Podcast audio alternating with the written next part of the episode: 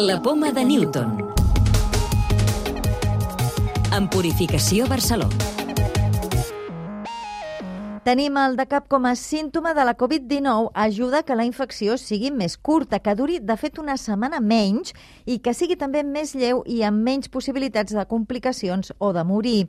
Us ho explicarem en el programa d'avui, en el qual també us parlarem d'un estudi que ha descobert que només tenim cinc tipus bàsics de cèl·lules al cos i d'una nova molècula que redueix la progressió del Parkinson en ratolins.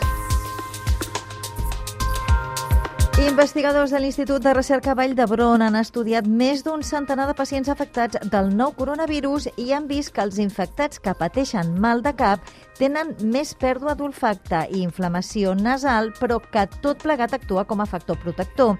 És a dir, evitaria una inflamació generalitzada a la resta del cos, principal causa de complicacions. Patricia Pozo és la responsable de l'estudi. Tenir mal de cap és un factor de bon pronòstic de Covid, amb una Covid més curta i amb menys mortalitat, i es presenta el Covid una mica més lleu, inclús en els malalts amb un Covid ja moderat greu, probablement mal de cap és un símptoma protector, és com una senyal d'alerta. Aquesta sobrereacció inflamatòria local craniofacial i compensa una mica la reacció sistèmica. En els afectats amb mal de cap han vist també que en alguns casos aquest símptoma persisteix algun temps. Sí que hi ha gent que persisteix amb mal de cap uns mesos després. És a dir, que sembla que això no s'elimina tan ràpidament, no? aquesta sobrereacció o inflamació eh, local que s'ha produït, però no, no en la majoria. El percentatge de gent que continua amb símptomes és, és baix. Ara, aquests investigadors estudien si hi ha factors genètics que determinen la predisposició a tenir cefalees durant la infecció i també les possibles seqüeles que poden tenir aquests malalts.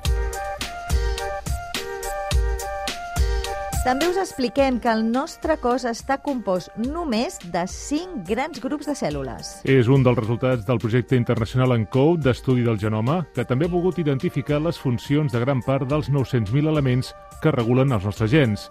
Roderic Guigó, del Centre de Regulació Genòmica, ha participat en aquests estudis. Hi ha uns, uns grups de, de cèl·lules que expressen el mateix conjunt dels gens principals. I hem vist que, essencialment, hi ha cinc tipus bàsics, cinc configuracions bàsiques de tipus cel·lulars. Investigadors de l'Institut d'Investigacions Biomèdiques de Barcelona, del CSIC i de l'IDIVAPS han dissenyat una molècula que ha aconseguit reduir la progressió de la malaltia de Parkinson en ratolins. Es tracta de ratolins modificats genèticament. La molècula permès fins i tot la recuperació de la funcionalitat de les neurones afectades. Ho explica Analia Bortolozzi, investigadora principal de la recerca. En ratones hemos visto una recuperación de la actividad de las neuronas dopaminérgicas. Y en el modelo de ratón lo que hemos visto es que cuando tú lo tratas con esta molécula, recuperas esa función al nivell d'animals control. Noves proves que meteorits hidratats haurien aportat grans quantitats d'aigua a la Terra primitiva. Segons noves investigacions de científics del Departament de Química de l'UAB, de l'Institut de Ciències de l'Espai i de l'Institut d'Estudis Espacials, aquests meteorits podrien haver tingut un paper molt important en l'aportació tant d'aigua com de materials biològics a la Terra. Haurien portat aquests compostos fa 4.500 milions d'anys des de les zones on va començar la formació dels primers planetes. Llibres de ciència. Avui us recomanem un llibre que intenta explicar de manera planera i per a tothom les principals claus de la biologia. Què és la vida? Del Premi Nobel de Medicina Paul Nors. És una mena de guia sobre els cinc pilars de la biologia que han fet possible la nostra existència. El llibre fa un recorregut amb explicacions senzilles sobre qüestions com ara què significa estar viu, com funcionen les nostres cèl·lules, què són els gens, com s'ha produït l'evolució biològica natural o quina és la química que hi ha al darrere la vida. Es tracta d'un assaig que de manera comprensible ens vol introduir en les bases de la biologia i com aquesta ciència ha determinat el nostre desenvolupament científic i com també marcarà les nostres decisions de futur, com ara la forma de protegir-nos de futures pandèmies. La clau de volta.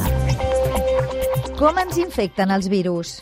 Amadeu Llevaria, investigador de l'Institut de Química Avançada de Catalunya, CSIC.